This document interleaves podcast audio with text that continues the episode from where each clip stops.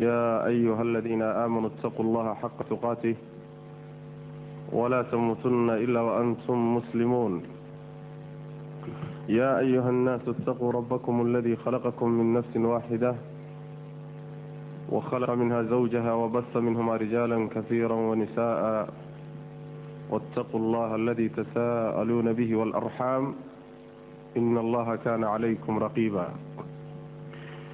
يا أيها الذين آمنوا اتقوا الله وقولوا قولا سديدا يصلح لكم أعمالكم ويغفر لكم ذنوبكم ومن يطع الله ورسوله فقد فاز فوزا عظيما أما بعد فإن أصدق الحديث كتاب الله خير الهدي هدي محمد صلى الله عليه وسلم وشر الأمور محدثاتها وكل محدثة بدعة وكل بدعة ضلالة وكل ضلالة في النار macaashir alakhawaat kelimada waxay ku saabsan tahay sidii horey laydinku sheegay ariiqukii ila aljanna ya xawaa ciwaankeedu waa saas sidkaaga aada jannada u mari lahayd xaway macnaha waxay ku saabsan tahay dumarka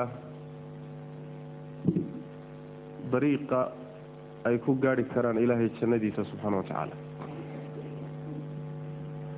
Jidkaas astaamihiisa iyo bal calaamooyinkiisa inaan wax ka tilmaanno taa ayay kelimadu ku saabsan tahay. Ilaahayna waxaan ka baryayaa subxaana wa tacaala inuu sawaabkana waafajiyo. Waxaan ogsoonnahay walaalayaal. Noloshan aan joognay adduunyada maynaan joogin. Mar dhow baan ku soo biirnay. Ilaahay baa ina keenay subxaana wa tacaala. Wakti yar baynu joogi doonaa. Waan ka soconnaayoo geedi baan nahay. Degmo kalean u guuri doonaa. Nolol la yidhaahdo xayaatulbarzakh iyo degmada qabriga inoogu xigi doonta iyadana waan ka guuri doonaa oo socdaalkeennaan sii wadan doonaa ilaa aan hoyga kama dambaysta ah aan gallo oo ilaahay jannadiisa subxaana wa tacaala aan rajaynayno inay noo noqon doonto socdaalkaa dheer baan marka ku jirnaa. Allah subxaana wa tacaala waa ka tilmaamay kayfa takfuruuna biاllaah wa kuntum amwaatan faaxyaakum uma yumiitukum uma yuxyiikum uma ilayhi turjacuun sideed ilaahay ugu kufrinaysaan subxaana wa tacaala oo rabbigiin u diidaysaan isagoo allah subxaana wa tacaala idin kuwa maydaad ahaydeenoon jirin kadibna wuu idin abuuray oo wuu idin keenay kadibna isagaa idin dili doona kadibna xaggiin xaggiisaa laydiin celin doonaa taasoo marxaladood baad maraysaan allaha subxaana wa tacaala baa idin maamulaya noloshan marka aynu joogno ee adduunyada iyo degmadan hadda aan joogno waa degmada asaaska u ah. Ruuxu aakhiro muxuu mudan doonaa ma janno mise naar? Wixii uu meeshan shaqaystay unbuu midhihiisa goosan doonaa. Ruuxii dacar ama qaradameeraad beertaay dacar iyo qaradameeraad unbuu goosanaya ruuxii beer wanaagsan beertana midhaheeduu goosanaya maadaama marka ay tahay noloshan aan joognay maalmahan aan marayno intaan joogi doonno ilaahay baa garanaya subxaana wa tacaala. Maadaama ay asaas u tahay degmada aan ku dambayn doonno waxaa loo baahan yahay inaan marka fahanno oo aynu garanno oo aynaan khaldamin oo aynaan kadsoomin ayaa loo baahan yahay. Noloshan adduunyada faa'iidadeedu waxa weeyaan. In aad ka dhigato wasiilo aad ku gaadho aakhiradaada inaad ka dhigato beer aakhiro. Inaad ka dhigato aada shaqaysato shaqadii barrinta ilaahay kuugu naxariisan laha subxana wa tacala ridihiisa aad ku gaadhi lahayd faa'iidada nolosha adduunyadu waa intaa. Intaa haddii ruuxu uu ka helo waxba kama maqna. Hadduu intaa xaqiijiyo intuu nool yahay maalmaha uu nool yahay oo shaqadiisu ay noqoto wax ilaahay uu ku gaadhayo raallinimadiisa wax ilaahay jannadiisa uu ku gaadhayo wax cadaabkiisa uu kaga nabadgelayo intaa hadduu adduunka ka shaqaysto wax ka maqani ma jiro. Intaa hadduu seego oo intaas uu garab marana adduunka noloshii uu noolaa wuu dayacay naftiisiina khasaaruu geliyey wakhtigiisiina waa dayacay ruuxaasina shaki ma laha inuu yahay ruux ay balaaya ku dhacday. Noloshan marka qaayadeeda iyo hadafkeedu kaa isagaa way walaalayaal maadaama marka ay hadafkeenni iyo qaayadeennu ay janno tahay oon janno raadinayno ila waan ogsoonnahay middani waa maalmo waa ka tegaynaa. Waxaan u soconnaa degmo aynu wada rumaysannahay inaynu tegi doonno degmadaasi ama waa naar ama waa janno ma u malaynayo inuu inagu jiro ruux isku wada inuu naarta galo. Kulligeen waxaan filayaa hadafkeenna iyo taargetkeenna iyo ujeeddadeenna wax weeyaan inaan ilaahay jannadiisa hello subxana wa tacaala. Cadaabkiisana aan ka badbaadno. Maadaama ay sidaas tahay ilaahay subxaana wa tacaala jannadiisu haddaad doonayso doonidduna ay dhabkaa tahay wax rakhiisa ma ah. Ilaahay jannadiis subxaana wa tacaala rakhiis ma ah waa qaali wey sida nabigeenna salawaatu rabbi wasalaamu calayh uu leeyahay xadiidka cabdi bni xumayd abu nucaym iyo xaakim intuba ay soo saareen min xadiidi ubay bni kacbin radia allahu canhu sheikhulalbani caleyh raxmat ullahina uu saxiixinayo. Wuxuu nebigu yuri sal lay wasalam man khaafa adlaj waman adlaja balaga almanzil alaa ina silcat allahi haaliya alaa ina silcat allahi aljanna buu nebi uri sal lay slam ruuxii baqaa oo cabsanayaay wuu guureeyaa ruuxii guurana ama guureeyana meeshuu deganaa ee uu ku socday buu gaadhaa. Badeecada ilaahay waa qaali. Badeecada ilaahayna waa jannada buu nebi uri salawatu rabbi waslamu caleyh macnaha xadiidku waxaa tusaale laynaga siinaya ruuxu markuu socoto yahay oo safar ku jiro oo uu lugaynayo. Oo intuu magaalo ka tago masalan uu magaalo kalka u socdo lugna uu ku socdo ama uu gaadiidba saaran yahay habeenkiibuu guureeyaa. Oo habeenkii markuu ruuxu baqayo qorax iyo kulayl iyo oon iyo markuu ka baqayo habeenkii baa la lugeeya la socdaalaa ruuxii guurana meeshuu ku socday buu gaadhaa buu nebigu uri salawatu rabbi waslamu caleyh iyo mansilkiisii macnaha waxaa laga wadaa noloshan aynu ku jirnaay ma deganina geedi baynu nahay. Shalay waxaan ka soo guurnay maynaan jirin waan soo guurnay. Adduunyadanaynu nimid waa habeen dhax. Habeen baynu deganaanaynaa kadibna socdaalkii iyo safartii baan ku sii jiraynaa geedigii baan sii wadanaynaa. Qabrigaan haddana degaynaa. Deegaankaa waa ka sii soconaynaa haddana aakharaan u sii guuraynaa. Ilaa degmada rasmiga aan ku dambayn ruuxii marka baqaya oo socodkaa uu socdiyo degma yacni waxa weye socdaalkiisaas safartaa ay baqdani ku jirtaay waa inuu xilliyada munaasabka ah ee ku fiican in la socdaalo inuu socdaal la doonaya. Xilliyada munaasabkaa ee ku fiican inuu u socdaalo ilaahay jannadiisa subxaana wa tacala iyo ridihiisa. Markaasaa nebigu wuxuu ka dambeysay salawatu rabbi wasalaamu caleyh ilaahay badeecadiisu waa qaali. Badeecada ilaahayna waa jannada subxana wa tacaala badeecada ilahay waa qaali. Shaygu hadduu qaali yahayna shay qaaliya lagu iibsadaa. Shay qaali ah waxaa kuu goyn kara shay qaali ah. Saas daraaddeed baa rabbi subxaana wa tacala qur'aanka wuxuu ku sheegay ina allaha ishtaraa min almu'miniina anfusahum wa amwaalahum biana lahum aljanna. Ilaahay subxaana wa tacaala wuxuu mu'miniinta ka gatay naftooda iyo xoolahooda. Muxuu kaga gatay biana lahum aljanna? Inay janno leeyihiin soo ma jeedi yacni waxaan haysanno waxaa ugu qaalisan nafteenna iyo xoolaheenna waxaan haysanay wixii ugu qaalisanaa ayaa inoo goyn kara ilaahay subxaana wa tacaala jannadiisa oo agtiisa taallo oo qaali ah. Laakiin haddaadan wakti qaaliya bixinin oodan naf qaaliya bixinin oo xoolo qaaliya aadan bixinin oo aadan yacni waxa weeye dadaal qaaliya aadan bixinin ma iibsan kartid ilaahay jannadiisii qaaligahayd subxana wa tacaala wax kuu gooya maadan la imaanin wax kuu gooya maadan la imaanin. Walaalayaal marka maadaama jannada aynu doonayno waxaa la doonayaa inaynu la nimaadno dadaal la nimaadno. Waxaa la doonayaa inaynu jidkeedii u marno. Waxaa la doonayaa inaynu sababteedii ula nimaadnaa. La doonayaa sidaasay marka aynu ku gaadhi karnaa bacda tawfiiqi illaahi tabaaraka wa tacala wa cawnihi.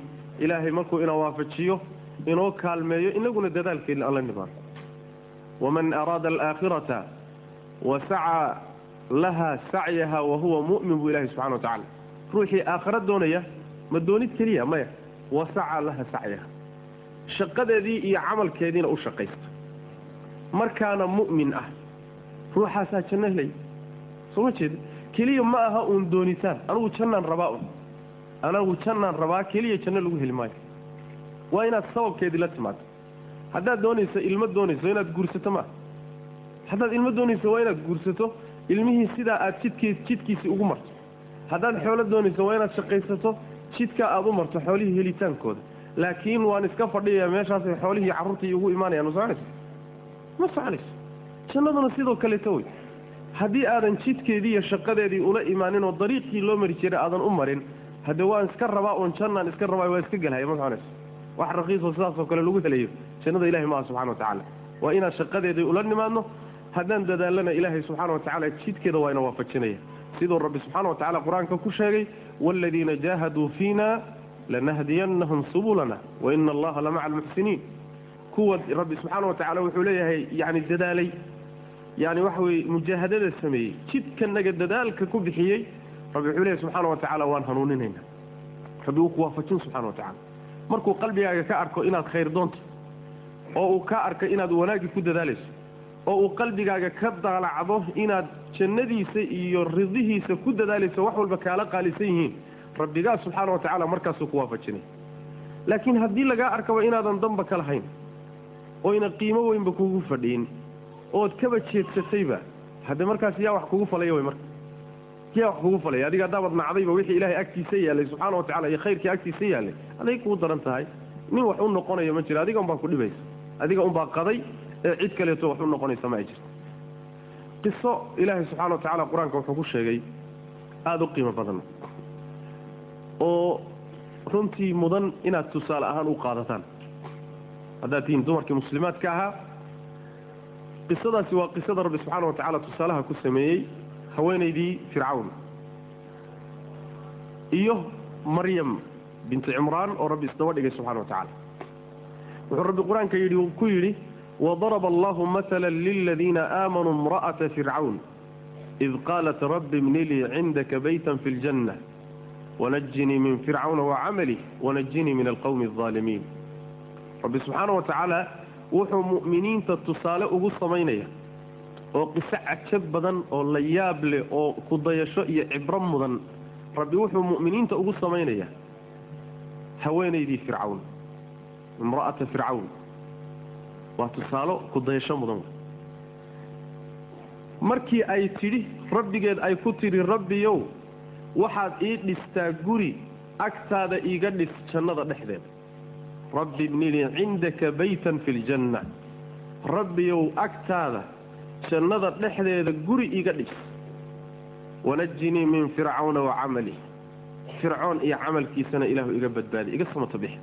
Fircoon ninkeedii buu ahaa nin boqorana waa ahaa ninkii ilaahnimo sheegtayna waa ahaa haddana maca daalika gaalnimadiisa iyo kufrigiisa iyo dhaqankiisa iyo boqortooyadiisaba way isla nacday. Maxay doonaysaa? Ilaahay bay guri janno ka rabtaa subxana wa tacaala. Gurigaa janno ee ilaahay ay ka rabtay weydiisanayso bay ku bedelanaysaa gurigii fircawn iyo boqortooyadiisii iyo wixii agtiisa yaallay oo dhan. Lama fiirsada waa shay aada u qiimo badan. Shay yani zuhdi adigoo adduunya oo dhan gacantaada ku jirto ilan haweentu markay macnaa waxa ninkeedu uu madaxweyne yahay ama boqor yahay iyaduna waa madaxweynad. Iyaduna markaa waa boqorad kursigii bay ku fadhida wixii ay haysay oo dhan ee ninkeeda iyo gurigiisi iyo boqortooyadiisi iyo adduunyadiisi iyo dhaldhalaalkiisii oo dhan bay nacday. Maxay u nacday? Ilahay dartii bay u nacday subxana watacala ilaahay dartii bay u nacday oo guri jannay rabtaa. Markaasay rabbigeed weydiisanaysaa rabbiyow agtaada guri janno iga dhis jannada dhexdeeda oo agtaada a rabbiyow guri iga dhis fircawn iyo camalkiisana ilaahu iga badbaadi. Wanajinii min alqawmi aldaalimiin qowmka daalimiintana ilaahu iga badbaadile bay leedahay aasiya imra'atu fircawn. Waxay qisadu cajab ku leedahay. Rabbi subxaana wa tacaala tusaale ahaan buu u soo qaatay oo wuxuu tusaale inoogu keenay. Shayga sidiisaba qur'aanku markuu tusaale u keenayo waa shay aada u cajab badan. Waa qiso la yaab leh maxaa yeelay waxaa la yidhahdaa inta badan dumarku waxay u badan yihiin kolba ninkooda inay ku mabda' yihiin. Kolba ninkooda inay ku mawqif yihiin. Laakiin haweenaydan iyo cajabteedu waxa weeyaan ninkeediiyo adduunyadiisiibay isla nacday ilaahay dartii bayn u nacday subxaana wa tacaala.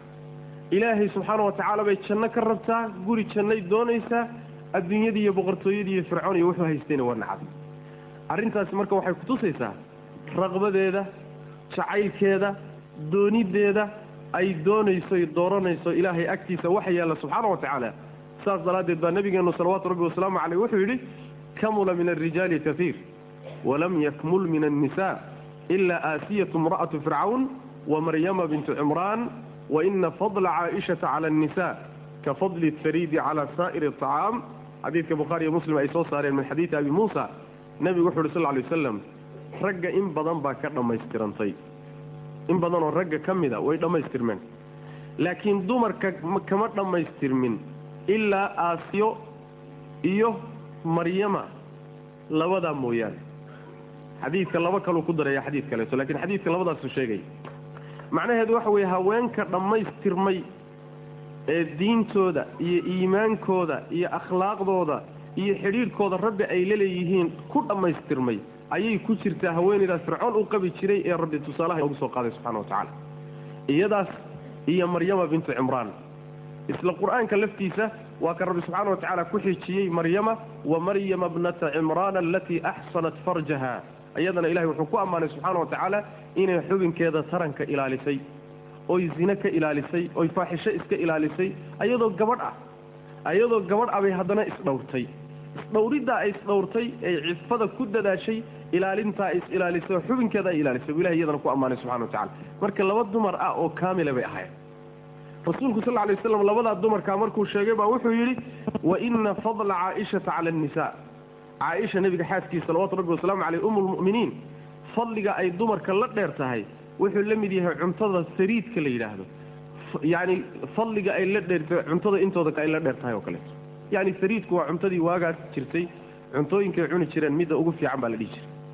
Marka cuntada sariidka cuntooyinka kale siday uga fiican tahay bay caaishana dumarka intooda kale uga fadli badan tahay buu nabigu uri salawatu rabbi wasalaamu caleyh marka dumarkaasi qiimaha badan waxaa lagu qiimeeyey oo shareecadu ku qiimaysay oo rabbi qaarkood ku ammaanay qaarna rasuulku axaadiistiisa ugu ammaanay salawaatu rabbi wasalaamu caleyh wax kale ma aha. Wax kale ma aha. Waxay doorteen oy door bideen ilaahay subxaana wa tacaala waxaa agtiisa yaalla jannadiisa ridihiisay door bideen oy ka doorteen adduunyada ka doorteen. Jannadaasi marka walaalayaal maadaama ay raadin inooga baahan tahay waxay u baahan tahay marka jidka loo maraayay inaan istusno. Waan rabnaa jannadii laakiin jidkeen u marnaa. Janno waan doonaynaa shaki ma leh. Laakiin in badanoo innaga inaga mida jidkii baa ka lunsa. In badanoo innaga inaga mida waxaad mooddaa inay hayaan jidkii naarta geynayay isla markaa haddana ay moodayaan inay jidkii jannada hayaan. In badanoo innaga inaga mida maba garanaynaba. Xaggee loo maraa? Shayga haddaadan garanaynin jidka loo marayana ma gaadhi karti haddaad doonayso marka hore maalan haddaad ama gaariso u socoto ama kisumu u socoto ama bambaaso u socoto intaan hortaba dhaqaaqinba waa inaad garato. Magaaladaa jidkee ku geyn kara. Jidkii markaad hesho ayay tilaabadii iyo jidka qaaditaankiisii kuu suuroobi karta. Markaa kadib baa meeshaad u socotay aad gaadhi karta. Laakiin adoon jidkiiba garanninba ma midig buu kaa xigaa ma bidix buu kaa xigaa ma horay buu kaa xigaa ma gadaal buu kaa xigaa. Jidkii meel u yahayba haddaadan garanin. Oo jidka astaamihiisiiba aadan garanin way adag tahay in aad hesho wabitaali inaad gaadhana waa adagtahay maxaa maxay tahay marka? Yacni waxa weeyaan tillaabooyinka loo baahan yahay inaan qaadno si aan ilaahay jannadiisa ku helno subxana wa tacaala. Kow horta marka koobaad jidka jannada loo maraayay tilaabadiisa ugu horraysaay waxa weyaan aliimaanu billahi tabaaraka wa tacala aliimaanu billah ilahay in la rumeeyo subxana wa tacaala. Ilaahay in la rumeeyo kadibna rumayntaa ilaahay la rumeeyey lagu daro hoggaansan ilaahay loo hoggaansamo in ilaahay laysu dhiibo subxana wa tacaala. Oo yaani si rasmi ah oo xaqiiqo ah oo dhab ah uu ruuxu hoggaanka ilahay ugu dhiibto subxana wa tacala sharciga ilahay inuu hoggaanka u dhiibto. Oo uu yidhaahdo waxaan diyaar u ahay rabbigay inuu ii taliyo. Waan rumeeyey alla jiritaankiisa waxaan rumeeyey yaani waxa weeyaan afcaashiisa waxaan rumeeyey asmaadiisa iyo sifaadkiisa waxaan rumeeyey inaan addoon u ahay keligii baan caabudayaa markaan rumeeyeyna waxaan diyaar u ahay sharcigiisu inuu ii taliyo. Aliimaan walislaam.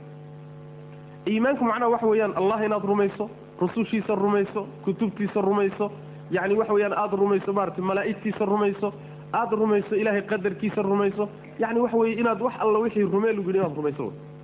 Kadibna markaad rumayso qalbigaagu hoggaansamo kadib xubnihiina waa inay hoggaansamaan allah subxaana wa tacaala aayad aynu muxaadaradeenna inteeda badan aan dul taagnaan doono oo fii suurati alaxzaab ku soo aroortay ayaa macnaha waxa weeyaan uu ku tilmaamay tilmaamaha dumar iyo ragba jannada ilahay lagu gaari karo subxana wa tacaala. Aayaddaasi waa aayadda rabbi yihi subxaana wa tacala ina almuslimiina waalmuslimaat waalmu'miniina waalmu'minaat waalqaanitiina waalqaanitaat waalsaadiqiina waalsaadiqaat waalsaabiriina waalsaabiraat waalkhaashiciina waalkhaashicaat waalmutaصadiqiina waalmutaصadiqaat waalsaa'imiina waalsaa'imaat waalxaafidiina furuujahum waalxaafidaat acadda allahu lahum makfiratan waajran cadiima aayaddaasi sabab bay ku timid sababtay ku timid waxay ahayd sida imaam axmed uu soo wariyey imaam axmed uu soo saaray min xadiidi ummi salama radi allahu canha waxay leedahay nebiga waxaan ku yidhi salawaatu rabbi wasalaamu calayh maa lana laa nudkaru fi lqur'aan kamaa yudkaru rijaal. Maxaa nagu dhacay rasuulilah haddaan dumarkii nahay? Maxaa qur'aanka naloogu sheegi la'yahay sida raggaba loogu sheego? Inta badan hadalka qur'aanka iyo khitaabka rabbi subxaana wa tacaala hadduu ku yimaado xataa qaab ragga in lala hadlayo aada moodo qaabka hadduu ku yimaado xataa dumarkuna xukumka waa la wadaagaan laakiin waxay doonaysaa ummu salama ragga sida yacni waxa weeyaan loola hadlay sidaasoo kaleeto dumarkiina in qur'aanka loogu sheego oo iyagana khitaabkii loo wajaho. Markaasaa waxay tidhi nebiga waxaan ku idhi rasuul ilaahay maa lanaa laa nudkaru fi lqur'aan kamaa yudkaru rijaal. Maxaa qur'aankana loogu sheegi layahay sida raggaba loogu sheegayo markaasaa waxay tidhi lam yarucnii minhu yowmaidin ilaa nidaa'uhu cala almimbar maalinkaas ima argagixinin bay tidhi ilaa dhawaaqiisii isagoo mimbarka saaran mooye. Yacni hadalkaa markaan ku idhi kadib wax yar kadib ayaa waxaan maqlay bay tihi nebiga hadalkiisi iyo isagoo mimbarka saaran. Kaasaan ku argagaxay oon soo booday bay tihi macnaha wa ana asraxu shacarii markaana tintaan shallaysanayay bay tihi falafaftu shacarii tintaydii baan iska marmarto waan duuduubay. Anoo shalladii dhammaystiranin baa intaan duuduubay. Uma kharajtu ilaa xujratin min xujari beyti gurigayga qololkiisa qol ka midaan u soo baxay bay tihi waa midka yani masaajidka ku dhowaa fajacaltu samci cinda aljariid yani waxa weeyaan laamihii gurigu ka dhisnaa ayaan dhegta soo saaray bay tihi marka ilan masaajidkay ku dhawaayeen dumarka nebigu salawatu rabbi wasalaamu caleyh yacni derbigiibay soo saartay dhegta soo saartay. Waxay doonaysaa inay dhegaysato bal dhawaaqa nebiga sal lay slam mimbarkiiyo masaajidka ka baxaya fa idaa huwa yaquulu cinda almimbar hadalkii nebigu wuxuu noqday mimbarka agtiisa uu ku hayay yaa ayuha annaas ina allaha yaquulu fii kitaabihi. Wardadow alla wuxuu kitaabkiisa ku yidhi oo idin leeyahay ina almuslimiina marka. Ina almuslimiina waalmuslimaat tilmaamahan isdaba yaallaaye tilmaamna raggaa iska leh midda ku xigtana dumarkaa iska leh. Hoggaansanayaasha ragga ah iyo hoggaansanayaasha dumarka ah rumeeyayaalka ragga ah iyo rumeeyayaalka dumarka ah. Saasay isu daba yaalla yacni waxa weeye mudiiciinta ragga ah iyo mutiicaadka dumarka ah. Ilaa ilaahay subxaana wa tacaala aayadda aakhirkeeda markuu sidaa rag iyo dumarba isu daba dhigay uu aakhirka aayadda rabbi subxaana wa tacaala abaalgudkooda sheegay. Oo inay ilaahay agtiisa abaalgud weyn ku leeyihiin oo janno laga wado. Ajir weynna ay leeyihiin abaalgudna ay leeyihiin oo jannada a macna tilmaamahaasi marka xadiidkaasi sidoo kale imaamu tirmidi baa soo saaray min xadiidi ummi cumaara alansaariya ayaduna nebigaan weydiiyey bay tihi salawatu rabbi wasalaamu calayh oo waxaan ku idhi maa araa kulla shayin ila lilrijaal wax walba ragga unbaa iska leh. Aaway annaga taanadii baan ku idhi nebiga salawatu rabbi wasalaamu calayh. Wamaa ara annisaaa yudkarna bishay. Dumarka iyagoo wax lagu sheegaya nebiga ma arkee maxaa dhacay? baan idhi. Markaasay aayaddani soo degtay bile macna. Aayadda marka aan dib ugu noqonna iyada ayaa waxay faahfaahisay. Jidka jannada loo maro rag iyo dumarba jidka jannada loo maro iyo astaamaha iyo sifaadka dadka ilaahay jannada ugu talagalay aayaddaa lagu faahfaahiyey ayada marka aan dib ugu noqon.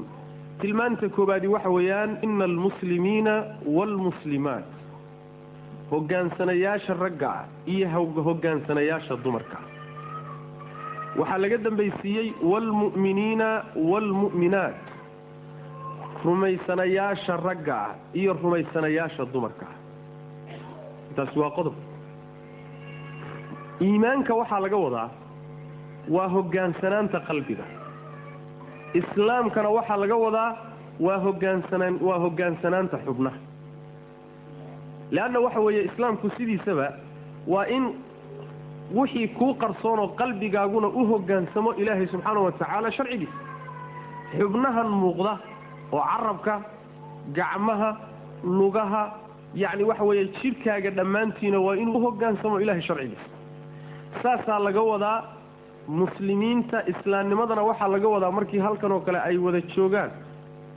Islaamnimadana waxaa laga wadaa inaad xubnahaaga iyo noloshaada dadka u muuqata ilaahay u hogaamiso iimaankana waxaa laga wadaa wixii dad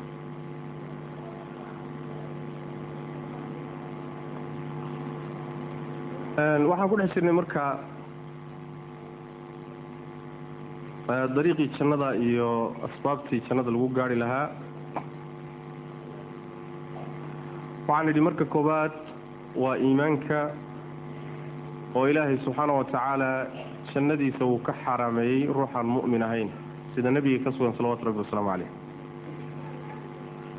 qodobka labaad waa islaamnimo oo bimacnaa laga wado hoggaansan inuu ruuxu hoggaansamo uu u hoggaansamo ilaahay sharcigiisa subxaanahu wa tacaala. Arrinta saddexaad wuxuu rabbi ka dhigay subxaana wa tacaala waalqaanitiina waalqaanitaat qunuudka waxaa la yidhahdaa sida uu leeyahay alxaafid ibnu katiir caleyh raxmat ullah alqunuutu huwa ataacatu fii sukuun waa inaad amar qaadato adiga oo weliba xasillooni ku daraya. Taasaa waxaa la yidhaahdaa qunuudka la yidhaahda bal wuxuuba imaamu axmed soo saaray min xadiidi abi saciidin alkhudri inuu rasuulku yihi sal lla alay wasalam kullu xarfin min alqur'aan yudkaru fiihi alqunuutu fahuwa taaca. Xaraf kasta oo qur'aanka ka mid ah oo qunuud lagu sheego lafdiga qunuud lagu sheegaayo waxaa laga wadaa bimacnaa daaca laga wada marka waalqaanitiina waalqaanitaat dadka ilaahay subxaana wa tacaala jannadiisa uu ugu talagalay waa dadka ilaahay ateeca subxaana wa tacaala daacadaa waxaa laga wadaa rabbi subxaana wa tacaala baa aslu daaca horta iska leh. Isagaa laga amar qaataa isagaa laga tala qaataa isagaa laga dambeeya. Rasuulkiisa salawaatu rabbi wasalaamu caleyh amarkiisa ayaa la qaataa wuxuu nagula teliyey na amrayna waan qaadanayna wuxuu naga reebayna waa inaan ka hadlo qunuudku waa sidaas. Oo aan noqonno dad aan ilaahay iyo rasuulkiisa ku amar diidaynin subxaanahu wa tacaala allah subxaanahu wa tacaala iyo rasuulkiisa salawaatu rabbi wasalaamu caleyhi amarkiisa aan diiday oo kolba wixii iyagu ay u dooraan qaadanaya laakiin rabbi subxaana wa tacaala isla fii suurati alaxzaab ku yidhi wamaa kana limu'minin walaa mu'minatin ida qada allahu warasuuluhu amran an yakuuna lahum alkhiyar. Ma ay laha bu rabbi yihi subxana wa tacaala umana ahaanin umana habboona nin mu'min ah iyo gabadh mu'minad ah haweenay mu'minad ah uma habboona haddii alle iyo rasuulkiisu ay amar bixiyaan in ay khiyaarkooda yeeshaan say doonaan ka yeelaan hadday doonaanna qaataan hadday doonaanna diidaan arrinkaa isagii kuma habboona buri subxana wa tacaala. Maxaa ku habboon waxaa ku habboon haddii allah subxaana wa tacaala amar siiyo oo shaygaas sameeya yidhaahdo. Rasuulkiisa salawaatu rabbi wasalaamu caleyh amar bixiyo yidhaahdo shaygaas sameeya.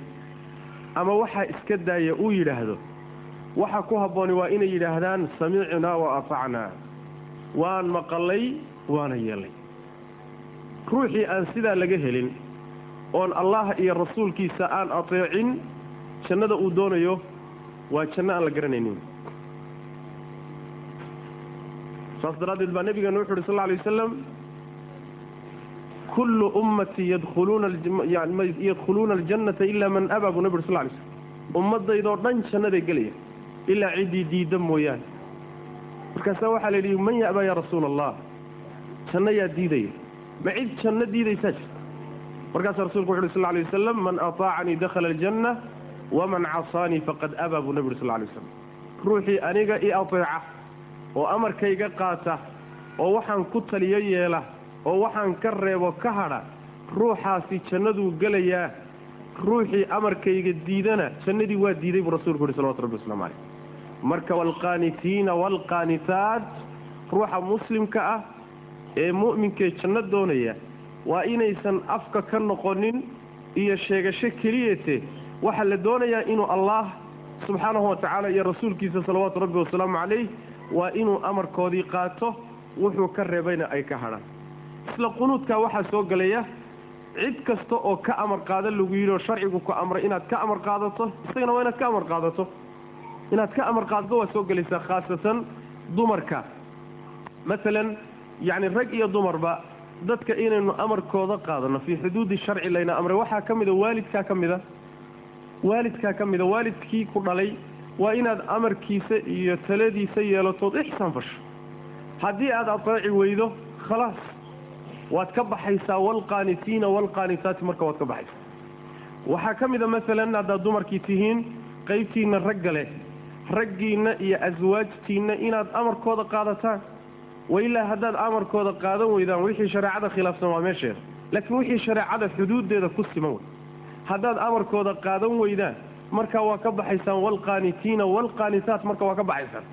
Waxaana taa ku tusaya xadiidka nabigeenna salawaatu rabbi wasalaamu calayh min xadiidi yani waxa weye abi hurayra ibni xibbaan baa soo saaray bazaarna wuu soo saaray min xadiidi anas waa xadiid saxiixa weeye nabigu wuxu uhi sal lay waslam idaa sallat ilmar'atu khamsaha wa saamat shahraha wa xasanat farjaha wa ataacat zawjaha qiila laha dkhuli ljannata min ayi abwaabi aljannati shi'ti buu nabi uri sal l slam haweenaydu hadday shanteeda salaadood tukato waa daacada ilahay wey shanta salaadood in la tukado sidii ilaahay u amray loo tukado sidii nebi maxamed u jidayay loo tukado cilmi lagu tukado iyo aqoon iyo garasho lagu tukado la dhammaystiroo la ogo shanteeda salaadood hadday u tukato sidii loo amray bisheeda ramadaanna ay soonto oo iyadana ay u soonto sidii sharcigu ugu talagalay rabbi subxaanahu watacaala u rabay waxaa lagu xujiyey xubinkeeda tarankana ay ilaaliso. Waxasanat farjaha farjigeedana ay ilaaliso isdhowrto oo xumaanta iska dhowrto zinada iska dhowrto wa ataacat zawjaha ninkeedna ay ateecdoy ka amar qaadato. Intaa hadday isku darto maalinta qiyaamada waxaa la odhanayaa iridaha jannada midkaad doonta ka gal baa la odhanaya inta iridadee jannadu ay leedahay mid alla midkaad adigu rabtee kula qumanaada ka gal baa la odhanaya xataa irid gooniya loo xadidi maayo. Midaad adigu rabto ka gal baa la odhanaya maxay kaga xidhan tahay waxay kaga xidhan tahay inay rabbigeeda ateecdo oo rabbigeed seebay ku ateecaysaa waxay ku ateecaysaa inay shanteeda salaadoodna tukato bisheedana soonto. Waa bisha ramadaan isla markaana ay islaaliso isdhowrtood isxifdido sida inoo imaan doonto. Isla markaana yacni waxa weeye wadaadka wadaadkeeda noloshu ka dhaxayso iyo gurigeeda inay kala dambaynta ilaaliso amarka ilaaliso jiritaanka iyo dhisnaanta qoyska ilaaliso yacni waxa weeyaan oo amarkiisa ay yeesho wixii aan shareecada khilaafsanayn taasina waxay ka mid tahay daacada ilaahay uu ku sheegay subxaana wa tacaala waalqaanitiina waalqaanitaat oo rasuulku salawaatu rabbi wasalaamu caleyh waa ka ku caddeeyey haweentu hadday ninkeeda iyo gurigeeda kala dambayntiisa ilaalin weydo. Markaasi dee waxa weye jannaday sugaysa muxuu jannaday sugaysa muxuu marka? Marka jannada yacni waxa weye astaamaheeday ka mid tahay iyo waxyaalaha jannada lagu gaadho ayay ka mid tahay. Arrinkaa isagii inaad aada u ilaalisaan bay u baahan tahay oo walaalayaal yacni waxa weeyaan ilaahay shuruucda uu inoo inoo dejiyey nidaamkaa inoo dejiyey guryaheenna u dejiyey nolosheenna u dejiyey nidaam ka qiimo badan oo ka qaalisan heli mayno nidaam inoo dhaamo oo yani waxa way inooga fiicanna ma jiro aakhariya adduuntoon nidaamkaa ilahay inoo dejiyey subxana wa tacala marka inaan ilaalino ayaa loo baahan yahay. Tilaabada saddexaad rabbi uu aayadda ku sheegay waxa weeyaan ama sifada saddexaad. Wasaadiqiina wasaadiqaat ragga runta sheega iyo dumarka runta sheega. Runta waxaa laga wadaa carabkaagana inaad ku dadaasho runta.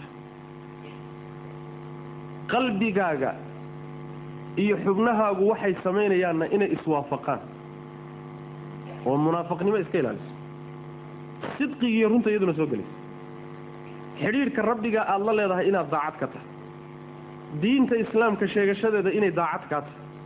Qalbigaaga waxa ku jiriya waxaad muujisanayso inuu wada socdo isku mid yahay oo waxna kuu qarsoonayn waxna muuqanin waxa muuqdiyo waxa qarsoona inaysan iskhilaafsanayn. Sidqigay ka mid tahay. Sidqiga waxaa ka mid a in carabkaaga aad ku dadaasho inaad run sheegto oo been aada iska ilaaliso.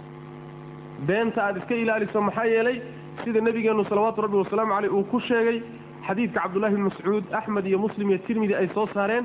Nebigu wuxu uhi sal lay slam calaykum bisidqi faina asidqa yahdi ila albir waina albira yahdi ila aljanna wma yazaalu arajulu yasduq wayataxara asidqa xataa yuktaba cinda allahi sidiiqa nebigu wuxu uhi sal lay wasalam runta ku dadaala runta laazima buu nebi uri sal lay wasalam maxaa yeelay runtu wanaagga ayay dadka ku hanuunisaa haddaad runta ku dadaasho waxaa laguu furahayaa irido fara badan oo khayr ah laguu furaya waxyaalo fara badanoo runtu waxay ku gaadhsiinaysaa wanaag oo aakhiradaadiiyo adduunkaa ku anfacay biriga ay runtu kugu hanuunisayna isaguna jannadu kugu hanuuninaya walu fiirsada runtii maxay ku gaadhsiinaysaa? Biri iyo samafal. Samafalkiina wuxuu ku gaadhsiinayaa jannadu ku gaadhsiinaya. Jidka jannada loo maro astaamihiisa iyo dadka ahlu jannaha sifaadkooda waxaa ka mid a marka inay runta ku dadaalaan. Runta inay ku dadaalaan. Wuxuu nebigu ku daray salawaatu rabbi wasalaamu calayh ruuxu ka zuuli maayo inuu run sheegayo. Runtana ku dadaalayo ilaa ilaahay agtiisa looga qoro kii runta badnaa. Ruux markuu runta uun shaqo ka dhigto oo akhlaaq ka dhigto oo dhaqan ka dhigto oo afcaashiisa iyo carabkiisa iyo kulli uu runta ku dadaalo marka dambe ilaahay agtiisa waxaa loo qorayaa. Waa kii runta badnaabaa loo qoraya runbadne ayaa ilahay agtiisa loogu xariiqaya subxana wa tacaala. Nebigu wuxuu ka dambaysay hadalka isaga iyaakum walkadib wa iyaakum walkadib beenta iska jira buu nebi salawatu rabbi waslamu aleyh beenta iska ilaaliya maxaa yeelay beentu faajirnimay ku jiiddaa. Dunuub kaleetay kuu jiidaysaayoo ka dhalanayo kuu geynaysaa. Dunuubta iyo faajirnimada ay kuu jiidayna iyaduna naartay kuu jiidaysa ruuxu inuu been sheegayo ka zuuli maayo oo beenta ku dadaalayo ilaa ilaahay agtiisa looga qoro been badane looga qoro. Mar haddii been badane laguu qorona bas wey naar baad leedahay. Rabbi subxaana wa tacaala marka wuxuu inoo sheegayaa astaamaha iyo tilmaamaha lagu yaqaano dadka ahlu jannada ah waxa weeyaan wasaadiqiina wasaadiqaat. Runta ku dadaala. Runta ku dadaala. Mucaamalada aada rabbigaa la mucaamaloonayso run ku dadaal mucaamalada aada khalqiga la mucaamaloonayso run ku sale. Carabkaaga runta bar beentana ka ilaali. Beentu waa dhaqan aada u xun iyo akhlaaq aada u xun.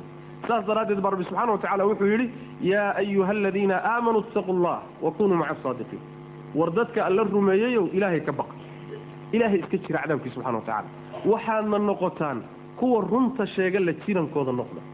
Ilaahay subxaana wa tacaala haddaad runtaa uu ku waafajiyo albaabo fara badanoo khayraa lagu furayaa shaki male waxyaalo fara badanoo cidhiiri oo kugu imaanayana rabbi subxaana wa tacaala waa kaa fududaynaya sida masalan qisada ay aayaddu ku timid oo kaleeto qisadii kacb ibn malik qisadiisii dheerayd bay aayaddu ku saarortay iyo cidhiirigii ay galeen iyo sidii runta ilaahay ugu badbaadiyey subxaana wa tacala arrimahaasay ku mid marka waxaa loo baahan yahay in aan runta ku dadaalno si aan asaanta iyo tilmaanta iyadaa oo tilmaamaha jannada loo maro iyo jidka jannada loo maro ka mida ayadana aan u helno. Wuxuu rabbi ku xujiyey subxaana wa tacaala oo midda afraadi ay tahay wasaabiriina wasaabiraat ragga sabra iyo dumarka sabra. Sabirku waa astaanta dadka sugan. Saddex qaybood buuna sabirku noqdaa. Qaybta koowaadi waxa weeye inaad ka sabirto ilaahay macsiyadiisa subxaana wa tacaala. Inaad nafta ka xakamayso. Oo naftaadu waxay rabtaa in ay dunuubta gasho. Naftaadu waxay rabtaa inay wax xamato. Naftaadu waxay rabtaa inay wax disho. Naftaadu waxay rabtaa inay dadka wax ka sheegto. Naftaadu waxay rabtaa inay xaaraanta cunto naftaadu waxay rabtaa inay jahliga iskaga noolaato.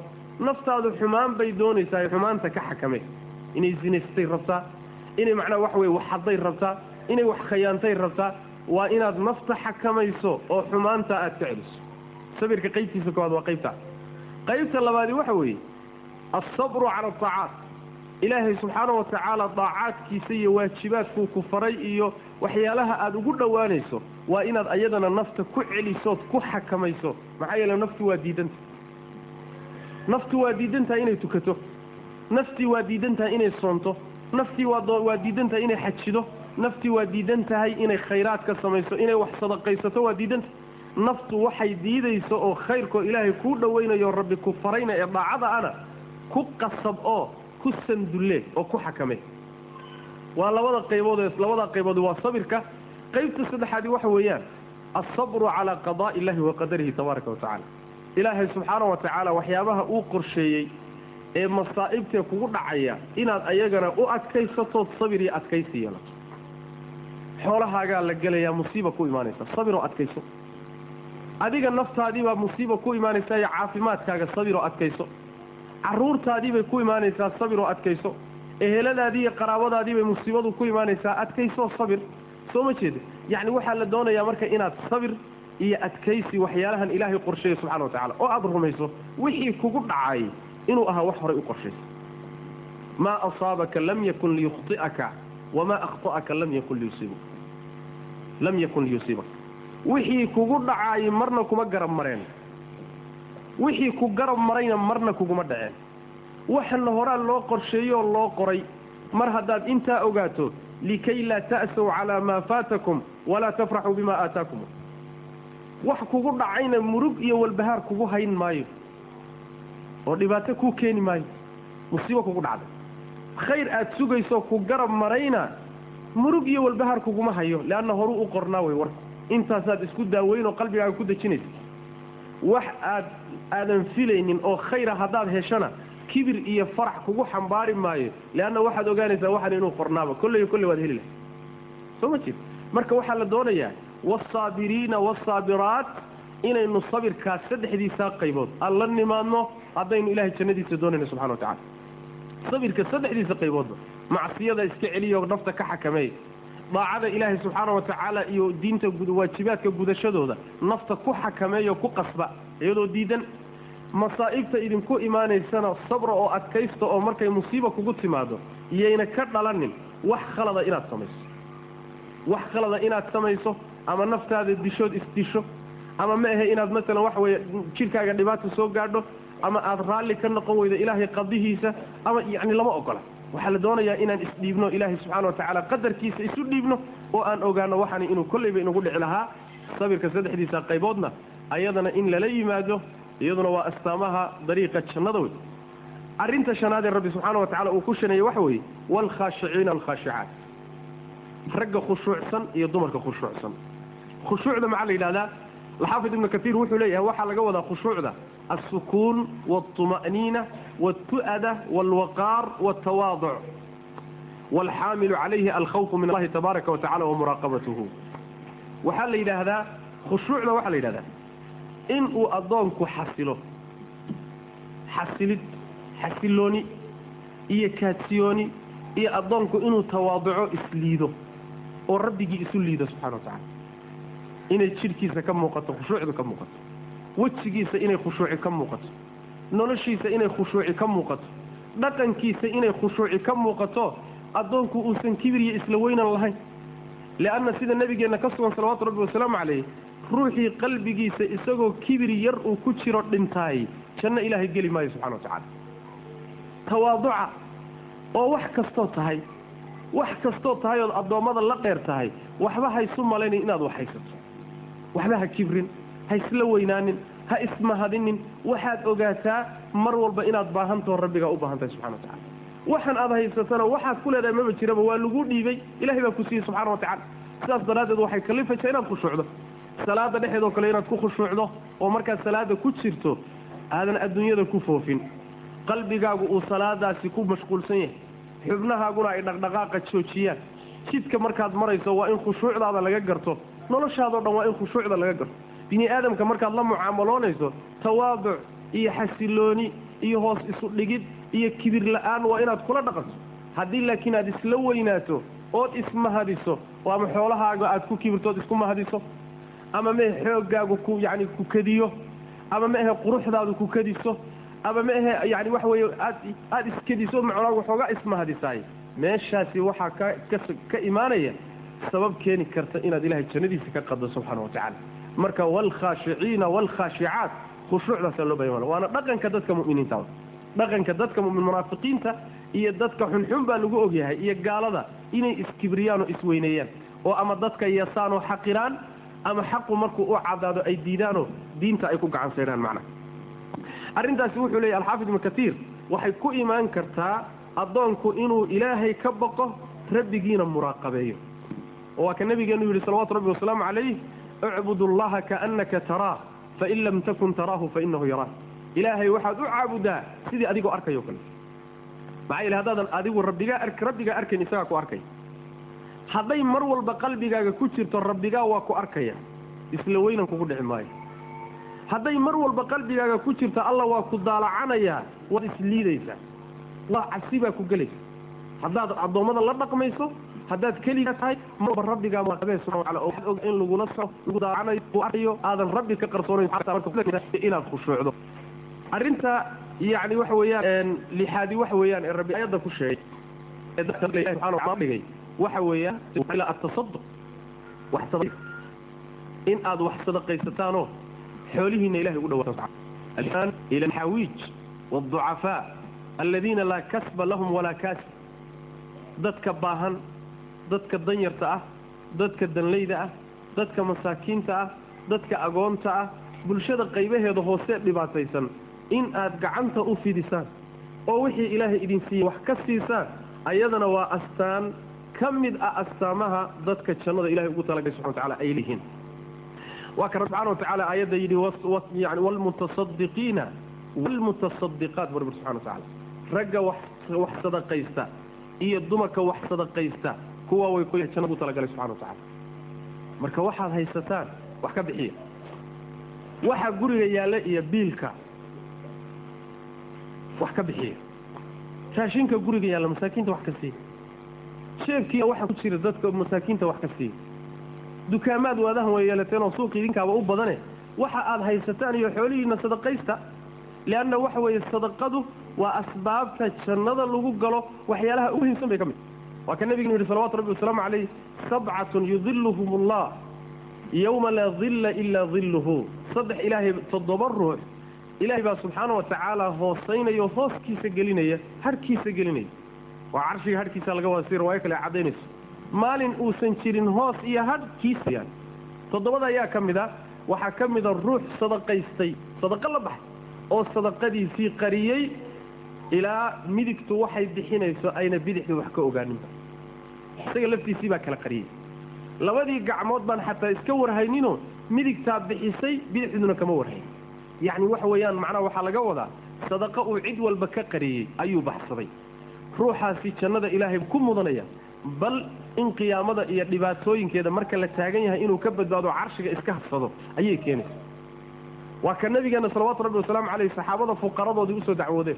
Saxaabada kuwii fuqarada waxba haysanin baa ku yidhi nebi allow yacni waxa weye jannada darajooyinkeedii sare iyo ajir ajirkii aakharaba waxaa la tegey raggii xoolaha haystay. Say ula tageen waxay yidhahdeen rasuul ilaahayo way nala salaaddii waa nala tukanayaan soonkii waa nala soomayaan haddana waxay samaynayaan xoolahoodii bay ku jihaadayaan xoolahoodii bay yacni wax weeyaan maaragtay ay sadaqaysanayaan annaguna ma haysanno. Sidaas daraaddeed waa naga hormareen raggaas. Sadaqadii bay nagaga hormareen oo jannadii iyagaa qaatay. Markaasaa nebigu wuxu uhi salawatu rabbi wasalamu caleyh ma idiin sheegaa waxa nin idinka horreeyeyna aad ku gaadhaysaan. Ka idinka dambeeyana uusan idin soo gaadhi karin. Haabay dheen rasuul ilaahay. Markaasuu nebigu wuxu uhi sal alay wasalam salaadda markaad tukataan ood